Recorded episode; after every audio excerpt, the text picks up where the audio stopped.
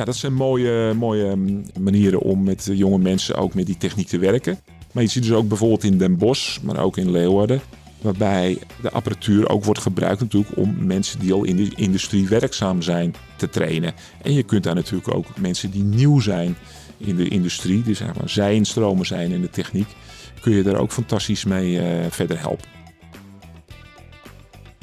Je hebt zojuist geluisterd naar een fragment van mijn gesprek met Bert Bak.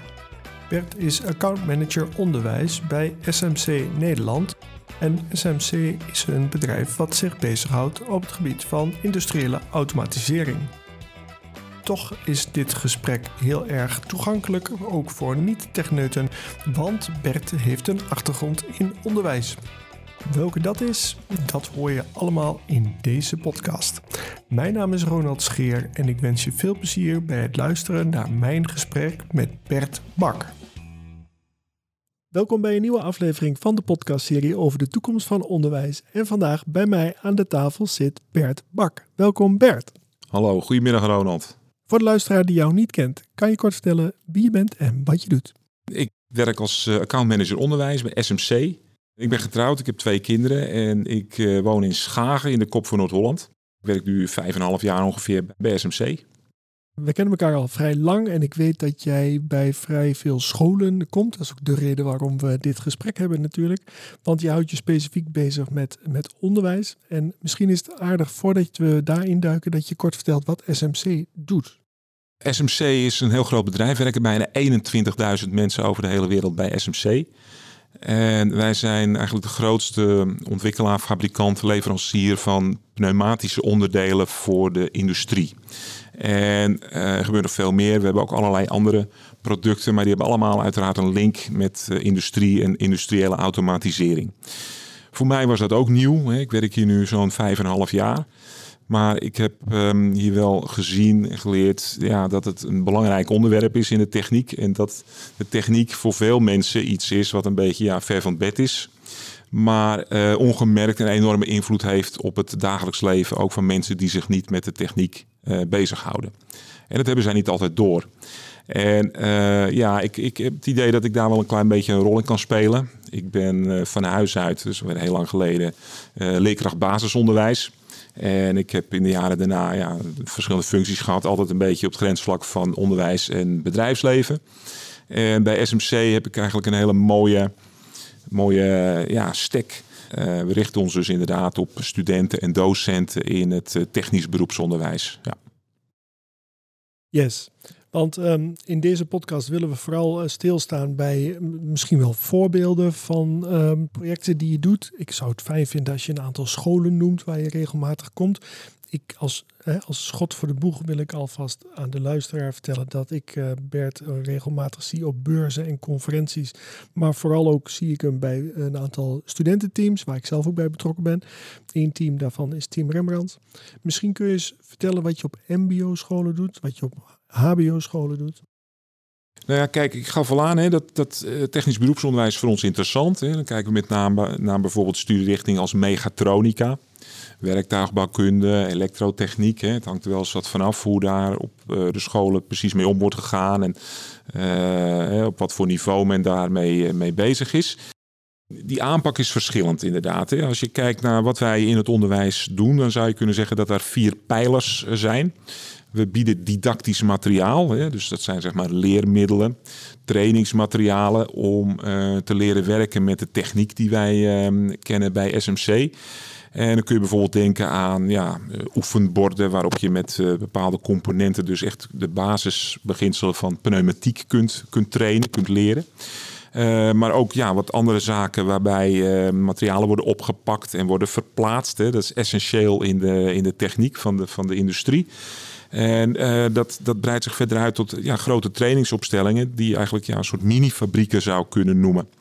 Dus dat zijn echt grotere uh, opstellingen met meerdere stations, met een lopende band, waarbij echt een product wordt geassembleerd of geproduceerd. En ja, dat biedt voor het onderwijs de mogelijkheid om ja, op een fantastische manier aan leerlingen en studenten met, die, met die technieken te werken. In de praktijk van de industrie is het natuurlijk niet altijd goed mogelijk om uh, grote productielijnen bijvoorbeeld stil te zetten. Om daar eens rustig met leerlingen naar te gaan kijken. En om mensen te trainen, dat, dat is geen realistische setting.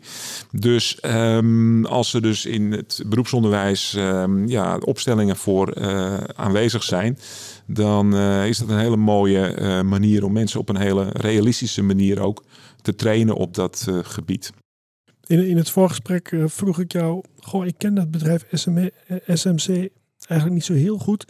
Waar vind ik jullie producten? En toen gaf je het voorbeeld van shampootjes, ja, Kijk, um, uh, ik heb natuurlijk ook wel mensen moeten uitleggen van waar ik nu mee bezig ben en wat SMC doet. Maar ja, je ziet er geen sterspotjes van. We maken geen reclame in de kranten.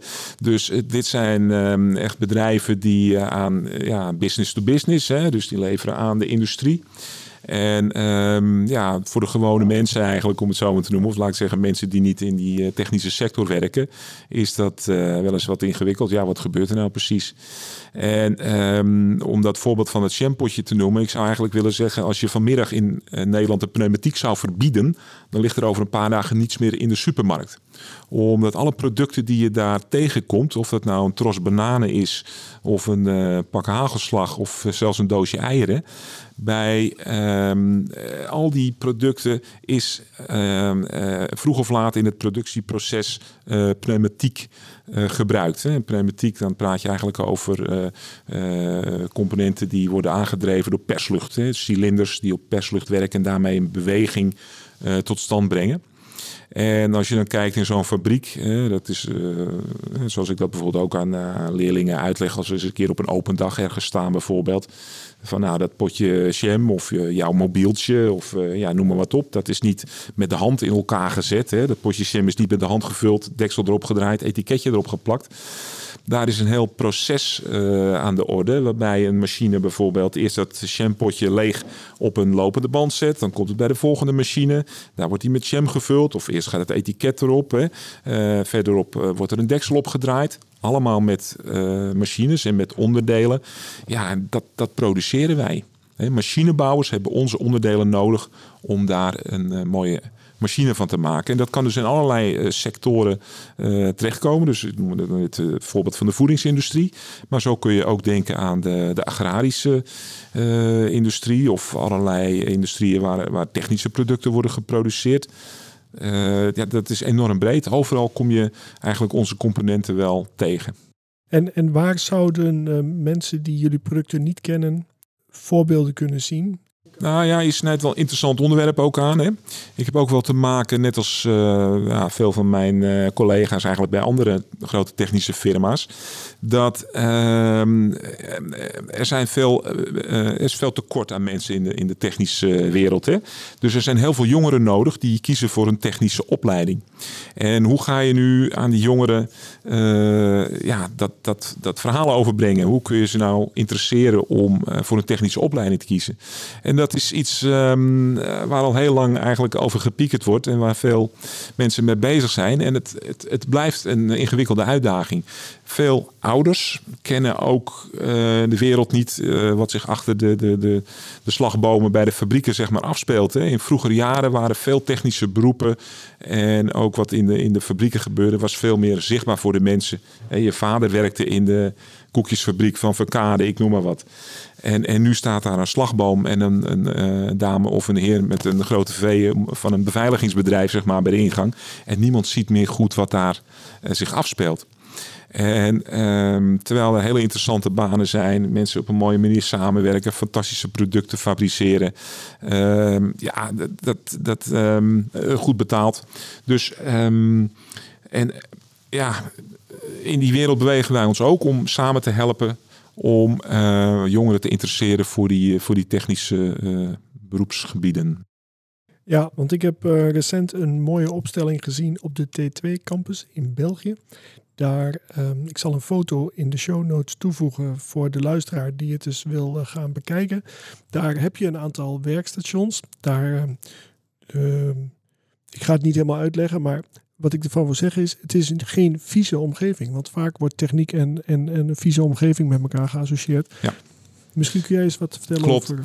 Ja, ik noemde net al dat beeld van ouders die ook liever niet zien dat hun kind bijvoorbeeld in een uh, technisch beroep zou gaan werken. Hè? Omdat men inderdaad dat beeld heeft van een overal met uh, vette vlekken erop. Ja, dat is niet realistisch meer. Dat klopt eigenlijk helemaal niet. Ik ben eigenlijk op wat latere leeftijd in die technische wereld terechtgekomen. Ja, en dan, dan zie je juist dat het ja, heel vaak juist een heel schone omgeving is. Juist heel schoon, omdat men ja, fantastische producten produceert waar men helemaal geen rommel en vettigheid en troep bij wil hebben. Zeker als het gaat om de verpakkingsindustrie, uh, de voedingsindustrie, uh, medicijnen worden geproduceerd en dat soort zaken. Ja, dat moet allemaal super schoon zijn. En denk ook maar aan de high-tech industrie hier rond, rond Eindhoven met de grote bekende bedrijven zoals ASML, waar wij ook leverancier van zijn. Ja, dat zijn allemaal firma's die willen juist dat het allemaal super schoon en netjes is. En ja, dat zie je in al onze processen eigenlijk terug. En de manier waarop zaken worden verpakt. En de uh, manier waarop de producten zijn ontworpen. En um, ik, ik, loop zelf ook expres als ik dan op zo'n open dag ben. Of uh, waar we dan ook uh, zijn ter promotie van techniek, zeg maar. Ben ik expres in een wit overhemdje of in een uh, lichtblauw overhemdje. Alles netjes en schoon. om dat als het ware ook te demonstreren. We hebben dan ook wat apparatuur mee. En dan laat ik ook zien, moet je kijken hier, dit dit is het. Ik krijg daar geen vieze handen van. Hè? Dus um, het is fantastische techniek en uh, ook uh, brood nodig, om het zo maar te zeggen. Ja. En die opstelling in, in Genk waar je over spreekt, in België, die staat helaas nog niet in Nederland. Maar dat is een high-tech uh, opstelling. Dat is de zogenaamde SIF 400. Een beetje het paradepaardje van onze trainingsmaterialen. En uh, je ziet daar veertien verschillende uh, stations, waar inderdaad uh, ook een webshop aan gekoppeld is. Dus je ziet daar ook, een, kun je daar op een, op een tablet kun je een bestelling opgeven. En je ziet dan ter plekke eigenlijk dat die apparatuur dan dat voor jou gaat produceren. Dus dat wordt dan met granulaten, met plastic korreltjes, verschillende kleuren en een bepaald gewicht. Dus dan kun je zo een bestelling opgeven. Of het kan zelfs met vloeistoffen zijn die op een bepaalde manier gemengd zijn. Of zelfs met, met eigen producten. Als je zegt, hey, we hebben hier een, een, ik noem het, een USB-stickje of iets dergelijks. Dat wordt dan in een potje gestopt en gaat zo langs die stations. Dus je hebt alle facetten van de productie. Hè? Dus de, de, de, productiestations of assemblage. Uh, een stukje logistiek, waarbij uiteindelijk echt wordt ja, gepallettiseerd. Hè? Dus waarbij een pallet wordt, wordt uh, wat je dan ook ziet met zo'n stuk plastic wat er omheen gedraaid wordt. Robots zitten in die opstelling om ook te laten zien hoe een robot eigenlijk in zo'n industrieel proces uh, geïntegreerd wordt gebruikt. En uiteindelijk zie je dus jouw, jouw pallet met jouw producten erin, uh, ja, als het ware klaarstaan voor uh, transport in een, in een magazijn. En er zit natuurlijk software bij, waar ook eigenlijk ja, de, de, de, de, het, het managementverhaal van hoe, hoe ga je dat nou managen als je productiemanager bent eigenlijk in zo'n, in zo'n bedrijf. Hoe ga je dat organiseren? Dat, dat soort aspecten, dat zit er ook allemaal aan. Daar zitten natuurlijk niet alleen maar SMC-producten in. Je hebt natuurlijk de PLC's, dus eigenlijk voor de mensen die, dat niet weten, eigenlijk kleine computers die dat allemaal uh, besturen. Je hebt allerlei sensoren waarbij andere bedrijven fantastische producten maken. Dat zit daar ook in uh, verwerkt. Er zijn wat zaken die spelen op het gebied van machineveiligheid bijvoorbeeld. Nou, je hebt hele grote firma's, bijvoorbeeld uh, SICK, een bekend merk op dat gebied. Dat soort producten zitten er ook in. Waarbij je ook letterlijk ziet hoe dan dat in de praktijk werkt. Nou, dit is een heel mooi voorbeeld van wat ik net noemde. Hè. Je kunt hier eigenlijk in alle rust met uh, specialisten die daar dan uh, in getraind zijn, kun je bij die apparatuur al dat soort zaken aanleren. En met mensen daar samen naar, ja, op zoek eigenlijk naar de technieken die in de smart industrie aan de orde zijn. Want deze opstelling is in die zin erg ja, smart in industrie 4.0 gericht.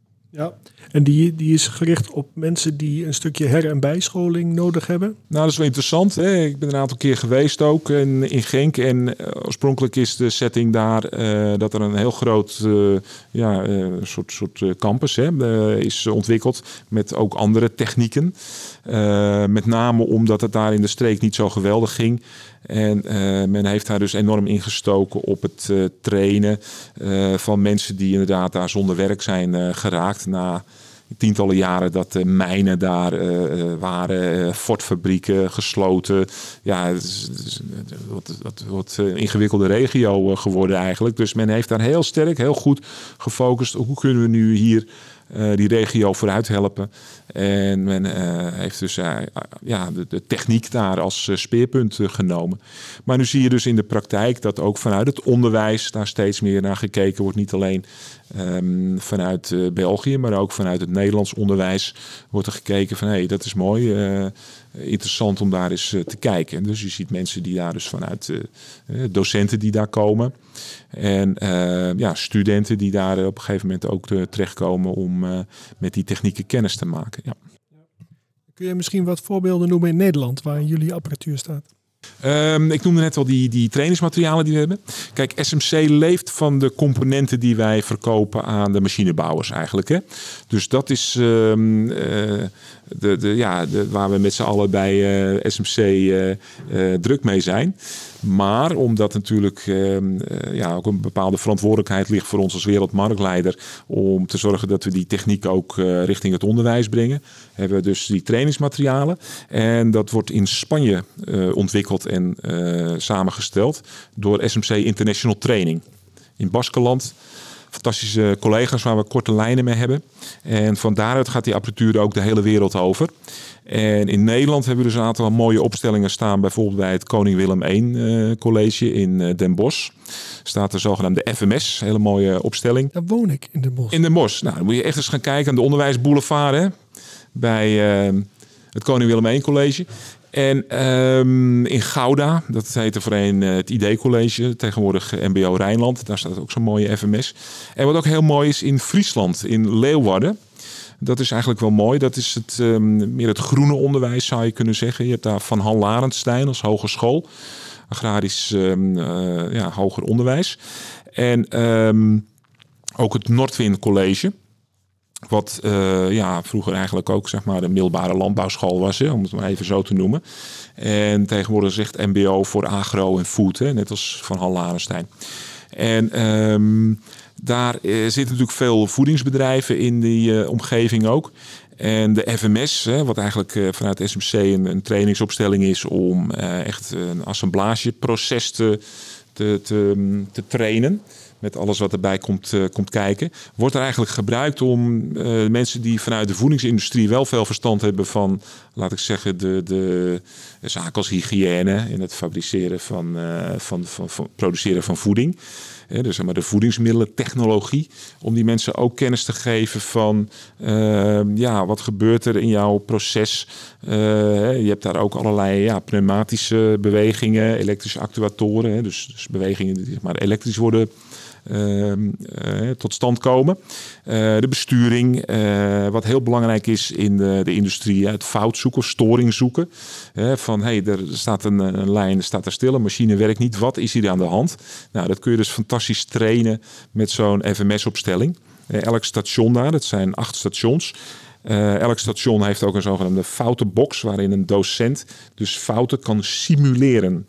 Dus die zet een schuifje om uh, waardoor dus uh, bijvoorbeeld een, uh, ja, een, een, een lek in een, lekkage in een, een slang wordt gesimuleerd. Hè? Of ergens dat er een draadje los zit, laat ik zo zeggen.